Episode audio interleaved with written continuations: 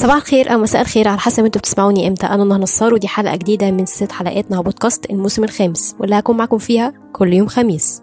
وكل حلقة هتكلم باختصار عن قوانين العقل الباطن وتأثيرها على حياتنا وإزاي تقدر تبرمج عقلك.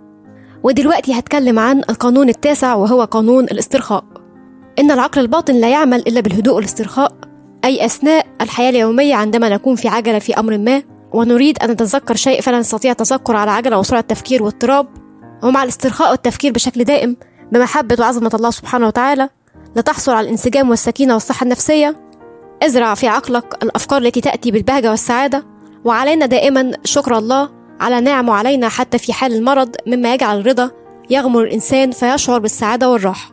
والاسترخاء الذهني هو من أنواع الاسترخاء القديمة التي كانت وما زالت تستخدم لعلاج التوتر والقلق النفسي والعصبي. ويمكن تعريف الاسترخاء بصفة عامة على أنه محاولة لإراحة الأعصاب من خلال مجموعة من التمارين.